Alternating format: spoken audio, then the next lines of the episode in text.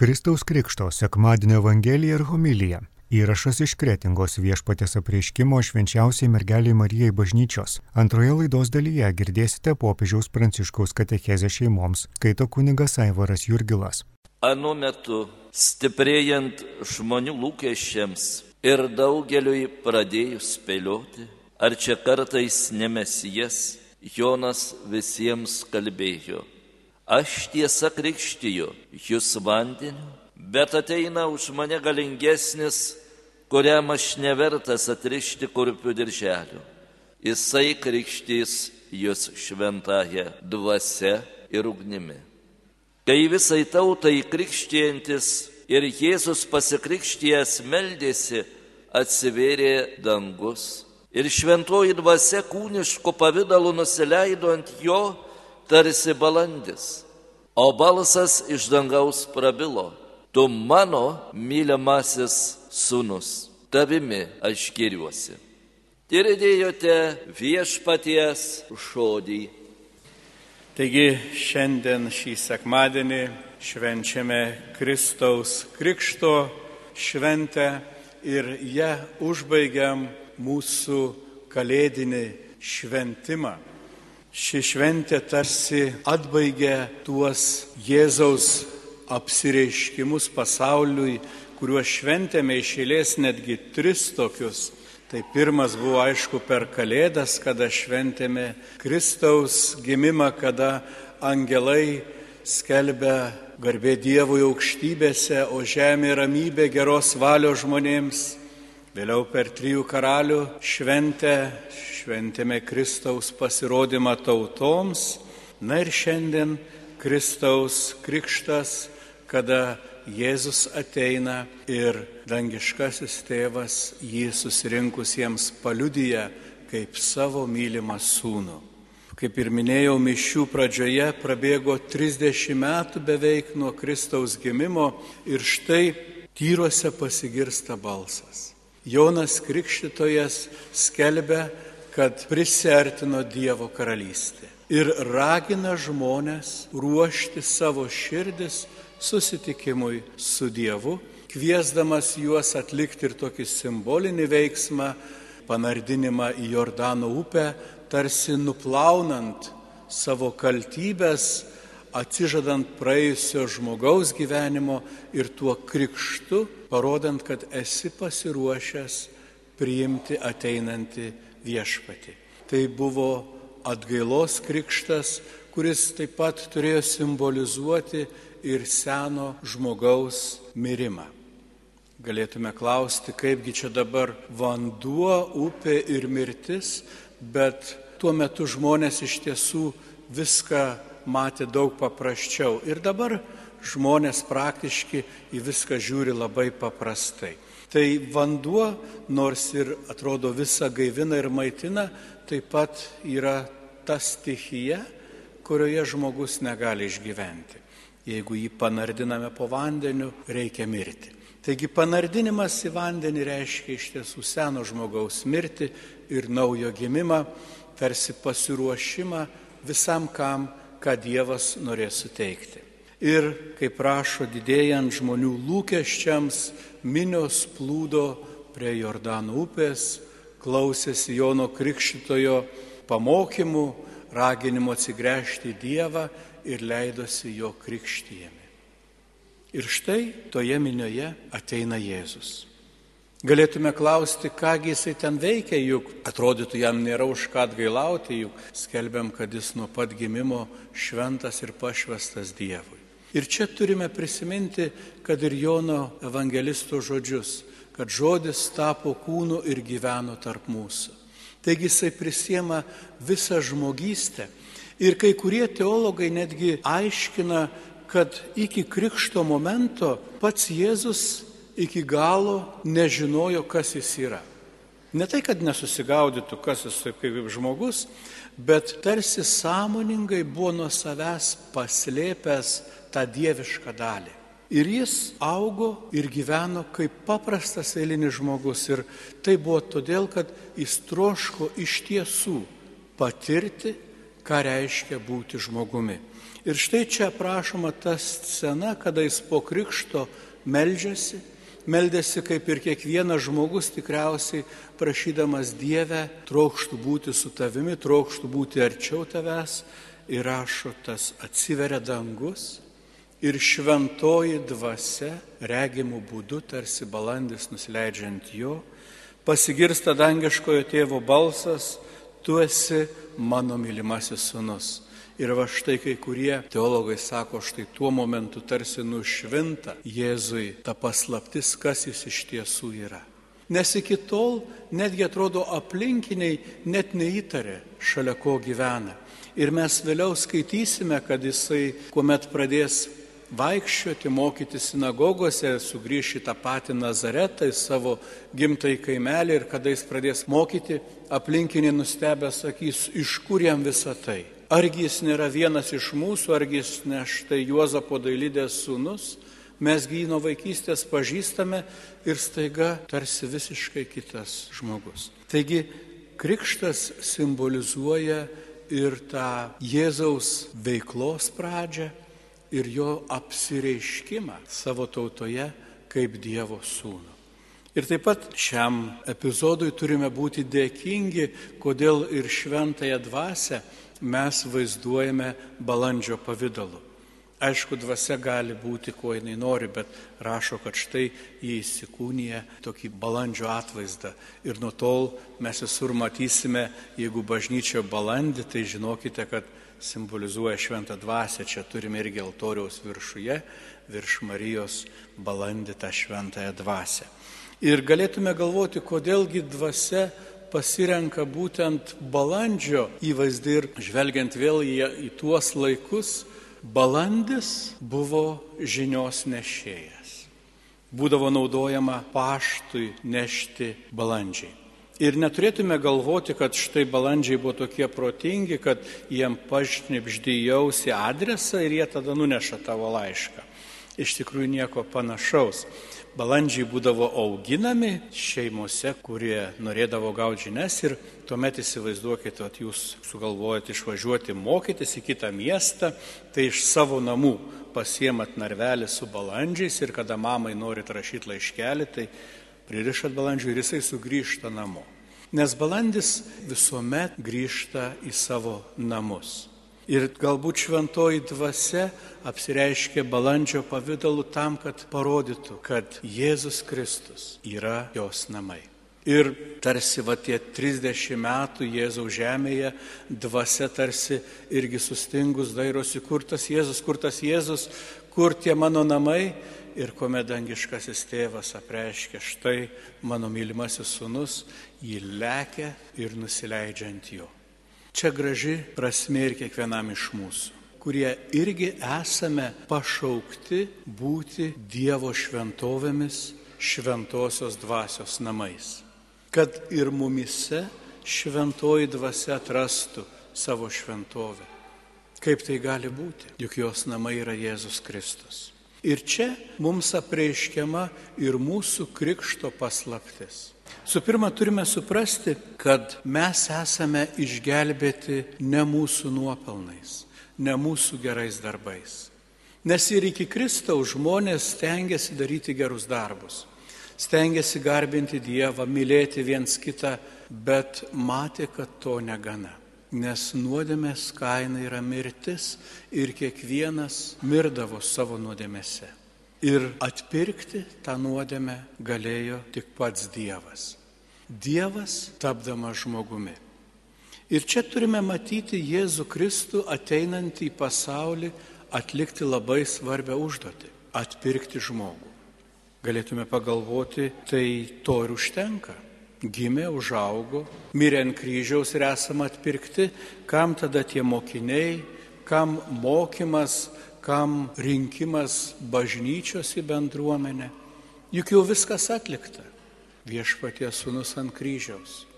Atpirkimas tikrai yra įvykęs. Bet tam, kad mes taptume to atpirkimo dalimi, mes turime patikėti atpirkėjų ir turime susitapatinti su juo. Todėl ir mūsų pačių krikštas yra įvardyjamas kaip apsivilkimas Kristumi kaip tapimas Kristumi, tapimas mistiniu Kristaus kūnu. Kiekvienas iš mūsų krikšto metu ne tik panardinamas į vandenį ar yra užpilamas vanduo, bet kiekvienas iš mūsų yra patepama šventąją chrizmą ir prie mūsų yra kalbama malda. Labai ypatinga malda. Ta pati malda, kuri naudojama šventinant žemę, kuri ruošiama bažnyčios statybai. Taigi kiekvienas iš mūsų esame pašventinti kaip žemė bažnyčios statybai. Ir visas mūsų gyvenimas yra tos vidinės bažnyčios statyba. Kad mes taptume tomis šventosios dvasios šventovėmis, kad ta šventoji dvasia, kuri Jėzaus Krikštaus dieną įsiveržė iš dangaus, rastų savo namus ir mumise, kad nusileistų mumise. Ir mes kartais būname tos šventovės, kuriuose yra tik plikos sienos, kurios galbūt ir padabintos, tačiau neturi altoriaus. Kaip daug bažnyčių tarybiniais metais, kurios buvo išplėštos tapusios sandėliais, Visiškai nesenai teko Vilniuje matyti vieną nuostabę bažnyčią. Tikrai graži, labai sena bažnyčia, buvusi labai iškilminga Švento Stepono, pastatyta iš karto už miesto sienų, sako Vilniečių labai mėgta, nes buvo pirma bažnyčia, kai išeidavo žmonės iš miesto, taigi keliaudami visuomet sustodavo ten pasimelsti, prašyti palaiminimo savo kelioniai, grįždami sustodavo ten padėkoti. Ir šiandien dienai jinai yra sutvarkyta, išorė išpošta, tačiau vidus visiškai tuščias. Pliko sienos, nieko nėra. Kai buvo sandėlys, tai viską išnešė ir paliko. Ir aš galvoju, kad vat, kartais mes irgi galime rūpintis tą išorinę savo bažnyčią. Atrodo, nieko netrūksta, viskas gražu, o nėra širdies, nėra altoriaus, nėra viešpaties dvasios. Tad šiandien, kuomet švenčiame Kristaus Krikšto šventę, melskime, kad mūsų šventovės būtų pripildytos viešpaties dvasios kad liepsnotume troškimu gyventi kartu su Jėzumi, kad mes patys taptume Dievo Sūnaus atvaizdu pasaulyje, kad į mus žvelgdamas Dievas sakytų, tu esi mano mylimasis, tu esi mano mylimoji, tu esi mano sūnus, tu esi mano dukra. Tuomet mūsų širdis džiugaus, tuomet Kristaus auka nebus veltui. Tuomet neatsitiks mums taip, kaip tiems, kurie pavėlavę atėjo į vestuvių pokelį ir beldėsi į uždaras duris ir sakė viešpatie įsileisk tai mes, o jis sakys iš tiesų, iš tiesų sakau jums, aš jūsų nepažįstu. Leiskime jau dabar Dievo atpažįstami. Jau dabar patys stenkimės atpažinti vienas kitame savo dangiškus brolius ir seseris. Jau dabar atverkime savo širdis vienas kitam, o tuo pačiu ir Dievui. Ištarkime vienas kitam, mano mylimasis broli, mano mylimas sesuo. Tegul viešpaties krikštas atnaujina ir mūsų širdise gautasias krikšto dovanas ir paskatina mylėti Dievą ir žmonės.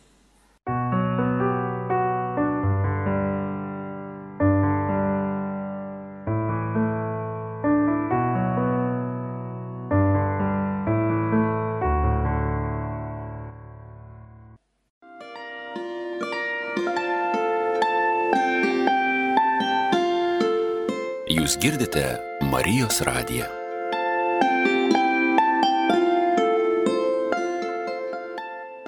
Kaip rankos pirštai. Po pasvarstymo apie motiną ir tėvą šioje šeimos temai skirtoje katechezėje noriu kalbėti apie vaiką, veikiau apie vaikus. Pradėsiu nuo gražaus Izaijo įvaizdžio. Pranašas rašo, visi renkasi eiti pas tave. Tavėjai sūnus ateis iš toli, tavosios dukros bus atneštos ant rankų. Tai matydama spindės iš džiaugsmo, tavo iširdis virpės ir džiūgaus. Izaijo knygos 60 skyrius 4-5 eilutės. Tai gražus įvaizdis, laimės įvaizdis, kai tėvai draugė su vaikais eina į ateitį, kur viešpataus laisvė ir taika po ilgo nepriteklių ir išsiskyrimo laikotarpio, kai Izraelio tauta buvo toli nuo tėvynės. Tarp tautos vilties ir kartų darnos yra glaudus ryšys. Turime gerai tai apmastyti. Egzistuoja glaudus ryšys tarp tautos, vilties ir kartų darnos. Vaikų džiaugsmas uždega tėvų širdis ir leidžia iš naujo žvelgti į ateitį. Vaikai yra šeimos ir visuomenės džiaugsmas. Jie nėra reprodukcinis biologijos klausimas. Taip pat nėra vienas iš daugelio savirealizacijos būdų. Tuo labiau jie nėra tėvų nuosavybė. Ne, vaikai tai dovana. Jie yra dovana. Ar supratote? Vaikai yra dovana. Kiekvienas išskirtinis ir nepakartojamas. Tuo pat metu neišskiriamai susijęs su savo šaknėmis. Būti sūnumi, dukra Dievo plane reiškia nešioti savyje atminti ir vilti meilės, kuri buvo įgyvendinta įžiebent gyvybę kitai žmogiškai gyvybei, išskirtiniai ir naujai.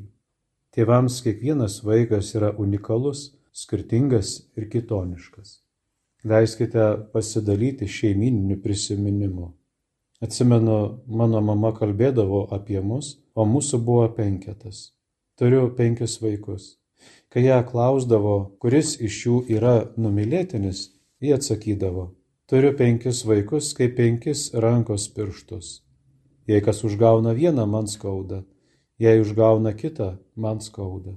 Visi pirštai man kelia skausmą. Visi vaikai mano, bet kiekvienas yra kitoks kaip rankos pirštai. Tokia yra šeima. Vaikai skirtingi, bet visi yra vaikai. Vaikas mylimas, nes yra vaikas. Ne todėl, kad gražus, kad yra toks ar kitoks. Ne, todėl, kad yra vaikas. Ne todėl, kad galvoja taip, kaip aš, ar yra mano troškimų įkūnymas. Vaikas yra vaikas, jo gyvenimas mūsų pagimdytas, bet skirtas jam, jo gėriui, šeimos, visuomenės, visos žmonijos gėriui. Ir čia kyla žmogiškosios patirties buvimo sūnumi ar dukra gelmė, leidžianti mums užčiuopti vis iš naujo mus stebinantį labiausiai nesuinteresuotai dovanojamą meilės matmenį. Tai grožis, kad esame mylimi pirmiau. Vaikai mylimi dar prieš jiems ateinant į pasaulį. Dažnai aikštėje sutinku mamų, rodančių savo pilvą ir prašančių palaiminimo. Tie vaikai mylimi dar prieš jiems ateinant į pasaulį. Tai yra duodama dovanai, tai yra meilė. Jie mylimi dar prieš jiems gimstant. Panašiai yra ir su meilė Dievo, kuris visuomet mylimus pirmutinis. Jie mylimi prieš jiems ką nors padarant, kuo galėtų nusipelnyti meilės, prieš jiems išmokstant kalbėti ar mąstyti, netgi iki jų ateimo į pasaulį. Būti vaiku yra pamatinė sąlyga Dievo meiliai pažinti. Tai meiliai, kuri yra pirminis šio autentiško stebuklo šaltinis. Kiekvieno vaiko labai jautrioje sieloje Dievas įspaudžia šios meilės įspaudą ir tai yra jo asmeninio vertumo pagrindas. Vertumo, kurio niekas ir niekada negalės sunaikinti. Šiandien atrodo, kad vaikams sunkiau įsivaizduoti ateitį. Kaip kalbėjau ankstesnėse katechezėse, tėvai galbūt žengė žingsnį atgal, o vaikai tapo labiau abejojantys žengdami pirmin. Turime išmokti gerų santykių tarp kartų iš mūsų dangaus tėvo, kuris kiekvienam iš mūsų suteikia laisvę, bet niekuomet nepalieka mūsų vienų. O jei suklystame, jis ir toliau kantriai būna su mumis ir jo meilė mums nesumažėja. Dangiškasis tėvas niekuomet nežengia atgal mylėdamas mus. Niekuomet. Jis visuomet žengia į priekį, o jeigu negali eiti į priekį, laukia mūsų, bet niekuomet nesitraukia. Jis nori, kad jo vaikai būtų drąsūs ir eitų pirmin. Vaikai savo ruoštų neturėtų bijoti vargo kurti naują pasaulį. Jų troškimas, kad pasaulis būtų geresnis nei tas, kurie jį rado, teisėtas. Tačiau to siekti reikia be arogancijos, be puikybės. Reikia mokėti pripažinti vaikų vertumą, o tėvus visuomet dera gerbti. Ketvirtas įsakymas įpareigoja vaikus, juk visi esame vaikai.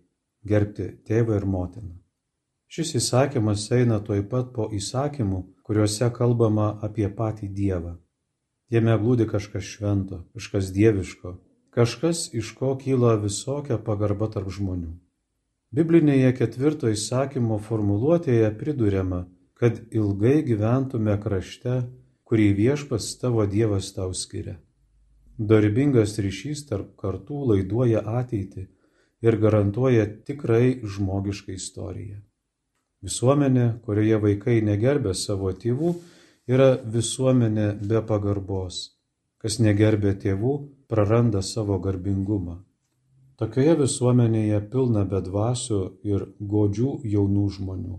Tai taip pat tokia visuomenė, kurioje šykštima naujų kartų, nemėgstama apsikrauti vaikais, kurie pirmiausia laikomi rūpeščiu, našta bei rizika.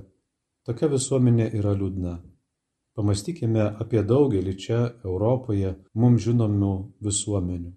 Tai liūdnos visuomenės, nes jos nenori vaikų, neturi vaikų Jose gimstamumo rodiklis nesiekia 1 procentą. Kodėl? Tegul kiekvienas pamasto ir atsako. Jei daugiavaikė šeima laikoma našta, tai kažkas yra ne taip. Vaikų gimdymas turi būti atsakingas, to mokoma taip pat. Palaiminto Pauliaus šeštojo enciklikoje Humane Vite. Tačiau turėti daug vaikų negali būti automatiškai laikoma neatsakingu pasirinkimu. Vaikų neturėjimas yra egoistinis pasirinkimas. Gyvenimas atsinaujina ir įgyja energijos, kai jo daugėja. Jis praturtėja, o nenuskursta. Vaikai mokosi įsipareigoti savo šeimoje, jie bręsta dalyvaudami jos aukose, auga įvertindami šeimos dovanas. Džiaugsmingos brolystės patirtys ragina gerbti tėvus ir rūpintis jais jiems priklauso mūsų dėkingumas. Daugelis iš jūsų čia susirinkusiųjų turite vaikų ir visi esate vaikai. Dabar patilėkime minutę ir kiekvienas širdyje pamastykite apie savo vaikus, jeigu jų turite. Tyliai pamastykite. Visi pamastykime apie mūsų tėvus ir padėkokime Dievui už gyvenimo dovaną. Tegul tie, kurie turi vaikų, tyliai pamasto apie juos, o visi pamastykime apie savo tėvus. Tegul viešpats palaimina mūsų tėvus, te palaimina mūsų vaikus. Amžinasis sunus Jėzus laikė gimęs vaiku te padeda mums rasti kelią, kad vėl suspindėtų tokia paprasta ir tokia didinga žmogiško įbuvimo vaikų patirtis. Kartu gausėjime glūdi visų gyvenimą praturtinantis liepinys kylantis iš paties Dievo. Turime jį iš naujo atskleisti veikdami iš ankstinės nuostatas. Turime patirti jį tikėjimu ir tobulų džiaugsmu. Sakau jums, kaip nuostabu, kai eidamas tarp jūsų matau motinas ir tėvus, iškeliančius vaikus, kad juos palaiminčiau. Tai yra beveik dieviškas gestas. Dėkoju Jums už tai. Girdėjote popiežiaus pranciškaus katechezę šeimoms, skaitė kunigas Aivaras Jurgilas. O pirmoje laidos dalyje Kristaus Krikšto sekmadienio Evangelija ir homilija iš kretingos viešpatės apreiškimo švenčiausiai mergelį Marijai bažnyčios.